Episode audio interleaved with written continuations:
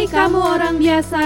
Gak apa-apa ya dipanggil biasa Karena jadi biasa itu emang gak apa-apa. Bersama Vika dan Hilda Sesama orang biasa yang sedang berjuang hidup Di tengah tuntutan zaman modern. Ya sama lah kayak kamu. Yuk kita mulai topik kita hari ini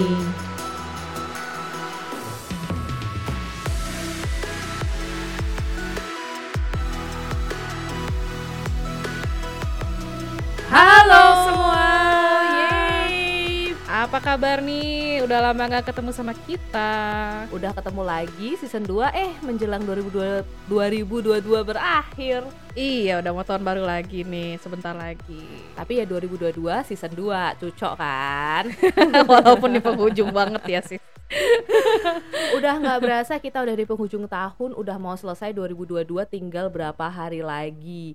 Dan mungkin kalian sekarang lagi pada liburan lagi sama keluarga karena udah balik new normal ya. Sekarang eh, hopefully kita bisa nemenin kalian di hari-hari terakhir dan di liburan kalian supaya lebih asik. Yang di rumah aja juga nggak apa-apa bisa dengerin kita tetap ya. Boleh boleh nggak masalah kalau nggak mau liburan juga Iya. Nah hari ini kita mau ngebahas apa nih sis? Jadi gini sih, 2022 lu berasa cepet banget gak sih? Nah iya bener banget Kayak kemarin baru eh, New Year gitu, baru baru mulai terus tiba-tiba sekarang tep eh udah akhir aja.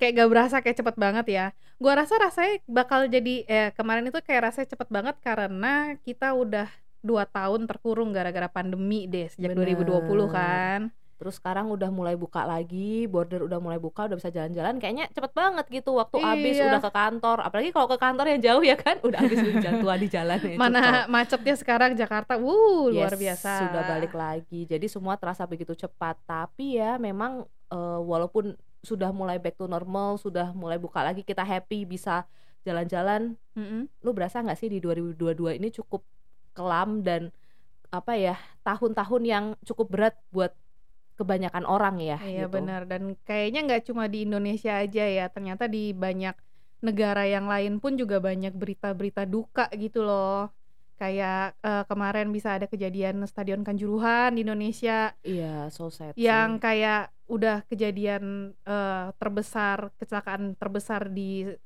persepak bolaan selama berpuluh-puluh tahun gitu betul kan betul betul eh gak lama kemudian terjadi lagi di Taiwan di Korea betul. Itu mungkin orang-orang juga udah pada apa ya, pada mulai excited untuk bisa keluar, untuk bisa uh, go public lagi, maksudnya bisa Mm-mm. berkumpul-kumpul lagi sehingga akhirnya mereka lupa gitu cara bertahan hidup atau cara gimana sih uh, maksudnya ngontrol atau kayak gimana saking mereka excited gitu loh.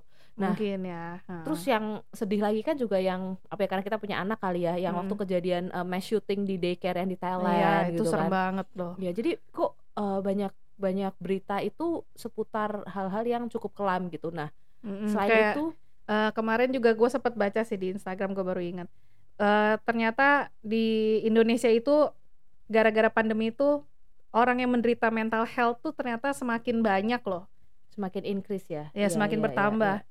nah akhirnya mungkin kayak jadi yang Aaron Nah, Carter bener, sama bener, bener. kemarin siapa tuh Twitch, Twitch Eh. itu gue nonton banget soalnya So You Think You Can Dance itu gue Heeh. demen banget sih. Cuman demen nonton doang tapi gak bisa ngedance.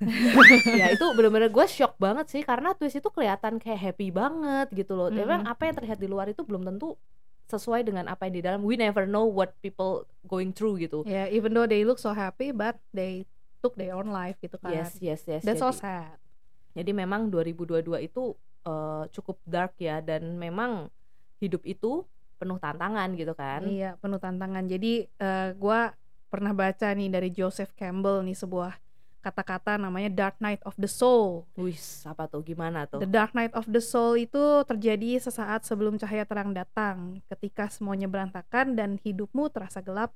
Lalu muncul kehidupan baru dan itulah memang yang dibutuhkan. Jadi, weh, ada clap-clapnya dulu. Iya, jadi kalau orang sering bilang tuh it's always the darkest before the dawn. Dawn itu ketika matahari mau mulai muncul gitu.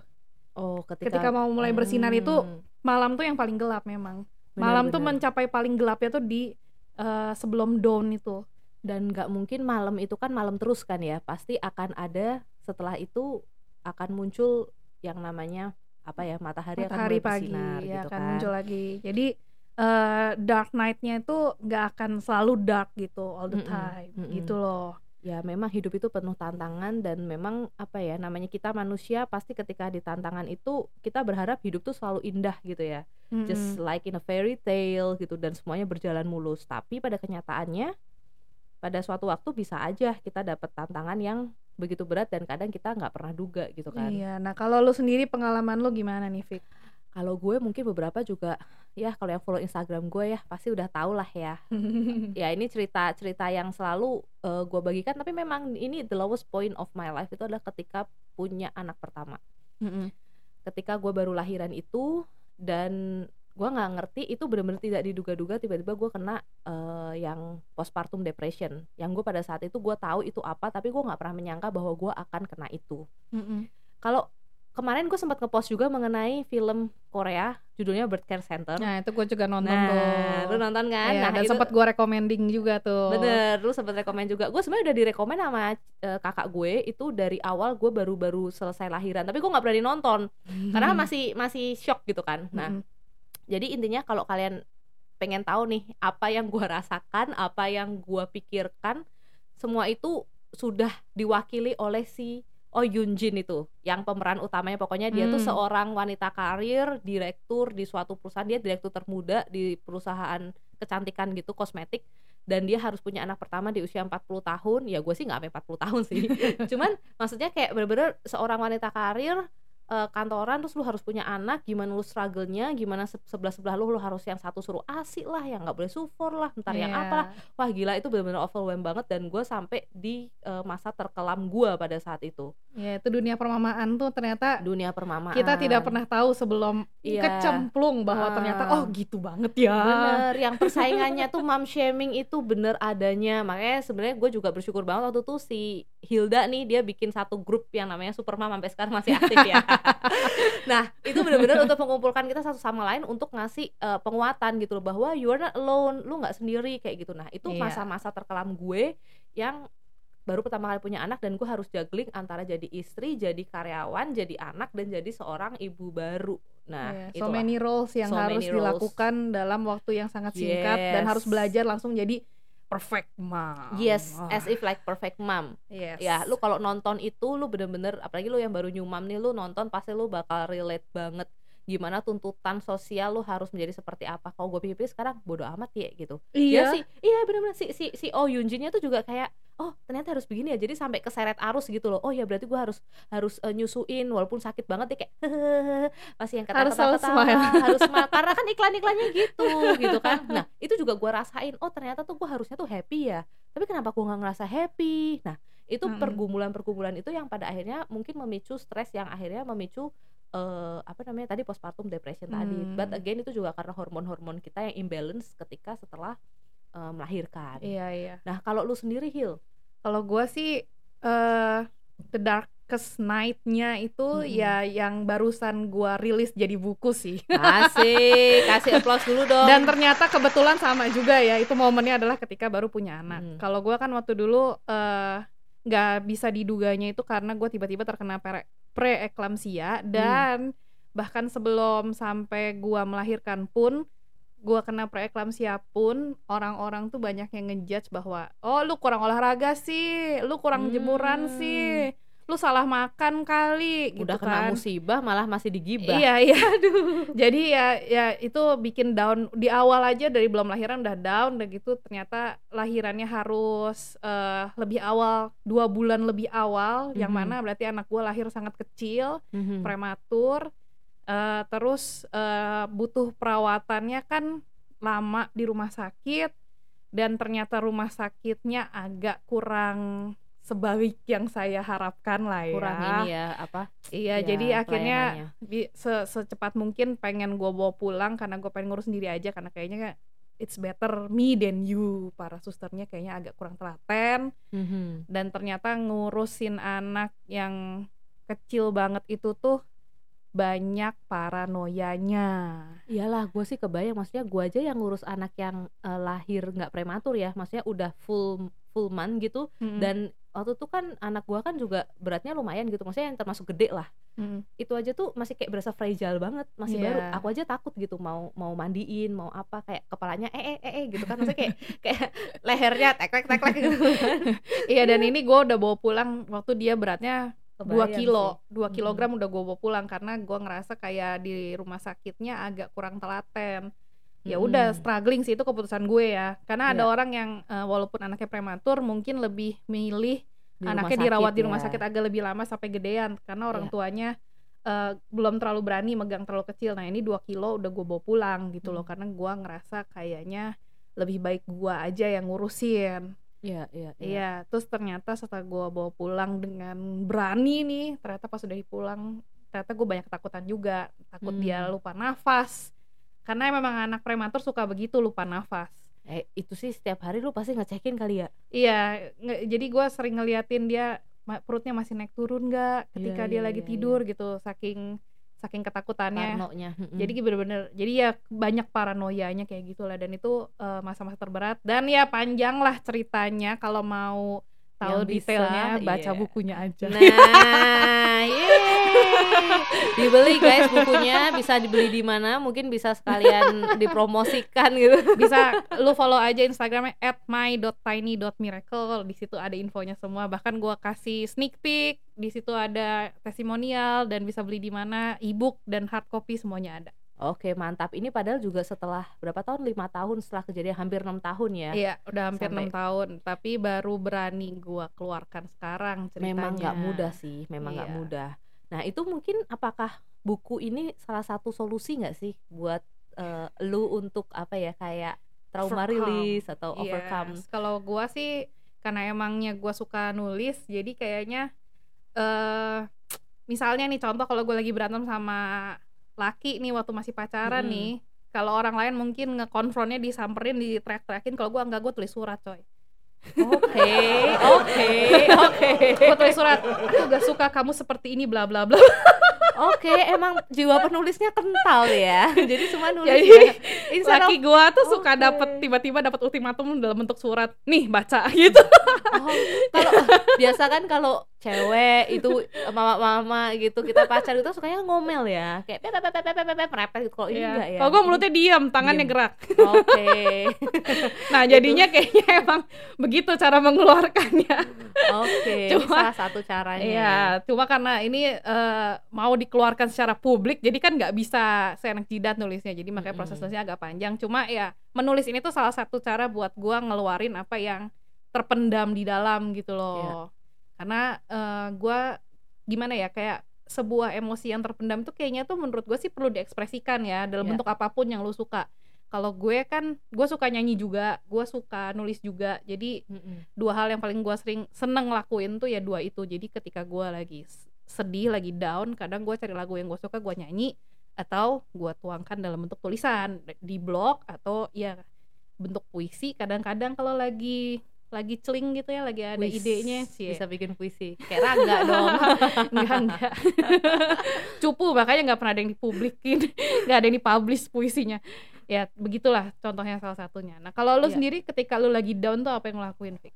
kalau gue eh, dua hal nih. Jadi kalau kalau spesifik ngomongin tadi yang masa gelap gue gimana caranya gue menghadapi dan keluar dari masa gelap itu jujur sih gue akhirnya pergi ke profesional. Karena itu tahapnya pada saat itu gue udah sampai suicidal thought. Jadi gue bisa relate banget kayak Aaron Carter kayak Twitch kenapa mereka bisa sampai mengakhiri hidupnya? Bukan karena mereka nggak bersyukur ya guys. Bukan catat tuh. Bukan karena eh, kurang dirukiah atau gimana gitu. Enggak jadi emang itu hormon-hormon yang menyerang otak itu eh, agak susah dikendalikan. So dari why aku pergi ke profesional. Mm-mm. pada saat itu pun juga tantangannya cukup besar karena ya stigma ya di apalagi di Indonesia gitu. Dan apalagi kan orang melihat gue gitu eh Novika gitu. Maksudnya orangnya ceria orangnya ekstrovert kok tiba-tiba kayak pergi ke sekolah lu gila ya pasti kan gitu kan? Hmm, hmm, pasti hmm, gitu. Nah itu juga suatu apa ya keberanian juga dari gue dan keluarga yang akhirnya gue pergi ke profesional sampai gue bisa keluar dari masa-masa gelap itu. Ya in this in this case ke psikiater sih pada saat Hmm. itu. Jadi minum obat juga dan segala macam. Dan gue nggak malu sekarang ngomong kayak gini gitu karena ya ya memang pada saat itu untuk melewati masa-masa masa-masa gelap ini memang lu harus pergi ke uh, profesional to make it done. Dan itu ketika gue memang uh, pas kebetulan juga lagi cuti lahiran jadi pas banget tiga bulan itu treatment dua setengah bulan lah dan dinyatakan sembuh total Wih, clap clap clap. oh iya clap clapnya gitu jadi kalau memang butuh ya nggak apa-apa itu tuh kayak ibarat lu sakit flu sakit batuk tau gak sih Iya benar. udah. Kita harus menormalisasi stigma itu Yes, ya. memang. lalu sakit flu sakit batuk dikasih obat apa eh, panadol dekolgen beres ya sudah gitu Mm-mm. sesederhana itu gitu Nggak usah perlu sampai dicap orang gila. Iya, nggak nggak dan dan nggak perlu parno juga. Waduh ini bakal permanen nggak apa gimana gimana enggak sih biasa aja gitu. Jadi, nah tapi kalau sekarang ini ketika itu gue jadi aware tentang mental health pada saat itu dan gue jadi mengenal diri gue lebih lagi kalau sekarang ketika gue mengalami masa-masa yang kurang eh, oke gitu misalnya gue lagi down atau apa gue melakukan hal yang gue suka yaitu ternyata gue tuh suka nonton tapi nontonnya tuh lebih kayak reality show kalau kalian tahu Il Bak Il gitu kan kalau gue nontonin Kim Son Ho gitu tuh oh, kayak, itu sih favorit banget kayaknya favorit Vika banget. Park Seo Joon gitu gue nontonnya mereka tuh udah happy gitu. Ternyata tuh menimbulkan apa hormon-hormon apa itu namanya? Hormon-hormon bahagia, bahagia ya. itu gue lupa namanya hormon Oksitosin. bahagia ya gitulah ya oksitosin. Gue harusnya gue nonton itu ketika gue lagi nyusuin ya gue nggak tahu tuh Koko-koko ganteng. Eh Dede ya Dede. dede dede dede, emes gitu jadi kayak kayak sekarang pun gue suka banget nonton re- reality show Korea kayak gitu kayak Il Bak Il sekarang ya banyak lah kayak misalnya kayak Single Inferno itu walaupun ya ya menurut eh, bagus lah maksudnya kayak eh susah lah. Gue gue nggak perlu komen ya. Kalian nonton aja pokoknya. Tapi Menghibur lah, menghibur. eye pleasing lah. Iya menghibur gitu. Jadi malu. Nah sama satu lagi gue tuh suka banget eh denger lagu. Jadi ternyata gue suka denger lagu-lagu yang nggak bisa dinyanyiin. Jadi maksudnya yang kayak cuman musik doang gitu. Hmm, Eh, instrumental. jadi instrumental. gitu. Hmm. jadi instru- instrumental yang calming kayak gitu ternyata gue sangat sangat ini sangat eh, terbantu. Dan juga satu lagi ini gue baru ingat. Gue tuh suka banget cium bau lemongrass Oh ya. Nah, jadi begitu gue eh, lagi stres nih, lagi kurang, gue nyalain eh, humidifier itu untuk untuk eh, bau lemongrass itu gue bisa calm, Hmm, bisa tenang. oke. Nah, itu juga menemukan hal-hal itu tuh seiring berjalannya waktu ya. Iya, jadi lebih mengenal diri lu Ya, sendiri lah ya. Jadi sekarang udah tahu nih begitu udah ngedown pokoknya lakuin one two three go udah udah bisa lebih ini gitu, lebih lebih teratasi. Itu solusi gue sih. Hmm, Gitu. gitu. Jadi ya emang namanya hidup nggak bisa dihindari dari tantangan ya, Sis Betul. ya. Yang lu tahu gimana caranya sebenarnya kan Mm-mm. untuk untuk menghadapi itu. Iya, banyak hal berat yang memang bisa terjadi, tapi ya yang Mm-mm. pasti kita harus maju terus dong. Betul dong, kita harus maju. Ibarat gini loh, eh, ini aku pernah ikut sebuah seminar gitu, Mm-mm. dan dikasih satu ilustrasi yang menarik dari pembicaranya. Hidup ini ibarat main game. Mungkin kalau kita tahun 90-an relate sama Mario Bros kali ya, Hmm, twing twing twing gitu tuh, ya. ya. Karena gue juga bukan gamer.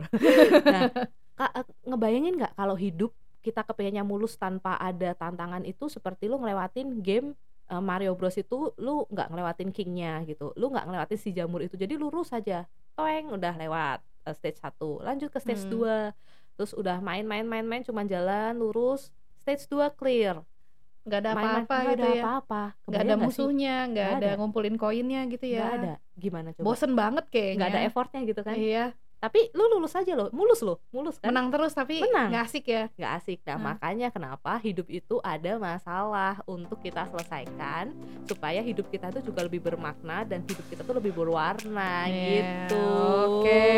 Nah, Jadi sebenarnya tantangan itu perlu ya, walaupun eh, berat, tapi kita tuh butuh tantangan untuk memacu kita supaya terus maju. betul banget Tapi yang pan- paling penting dan harus dicatat, jangan sampai ketika mengatasi masalah itu kita malah melakukan hal-hal yang merusak dan Iya. tidak tidak berfaedah buat orang gitu maksudnya kayak yang Kayak nembak-nembak yang nembak-nembak daycare itu parah sih iya. entah itu dia dia apalah masalahnya kalau nggak salah dia nyariin anaknya atau gimana tapi yang kena anak orang Iya, kan itu kasihan ya Betul. Kita ya kita bertanggung jawab atas diri kita sendiri lah gitu ya. Jangan Mm-mm. sampai jangan sampai melukai orang.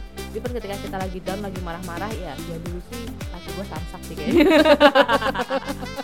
Sekarang itu udah udah udah tahu, eh, beb udah lumayan kan? Udah udah udah, udah lumayan. lumayan gitu. improving ya improving. ya gitu itu yang harus kita kejar setiap hari Iya. improving ourselves lah di mana pun kita orang biasa ya, Sis. ya kan kita celoteh orang biasa Iya nih. betul. Nggak apa-apa kan? Kita keluarin flow-nya dikit-dikit gitu. Oke makanya yang penting uh, mau ada masalah apa pun kita terus maju dan kita berkembang jadi lebih baik dan lebih baik gitu. Nah, makanya jadi? buat kalian juga yang uh, lagi ngedengerin ini dan ngerasa lagi down mungkin di akhir tahun ini atau apa pun masalah lu yang lagi lu lakuin yang lagi lu gumulin sekarang uh, kalian berjanjilah untuk tetap selalu bersemangat dan tidak menyerah. Dan carilah hal-hal yang kalian suka yang bisa jadi penyama, penyemangat di masa-masa yang berat ini. Hmm. Jadi uh, terus semangat, terus tetap maju dan berjanjilah kalian untuk jangan pernah menyerah. menyerah. Remember kalau mantra gue this too shall pass karena namanya juga Dark Night of the Soul yang tadi tuh habis Dark Night itu akan ada cahaya terang yang datang. So you just need to hang on until the light comes out. Amin. Ya. Oke, mantap. Oke, I think sekian dulu untuk di hari ini. Jadi Iya. kita udah cerita panjang lebar. Semoga ini bisa nemenin kalian di hari-hari terakhir di 2022 dan semoga apa pun resolusi kalian, apa pun harapan kalian di tahun 2023 nanti, semoga bisa lebih lancar dan oke. I think that's all for today. And see you, See you on the next episode. Bye bye.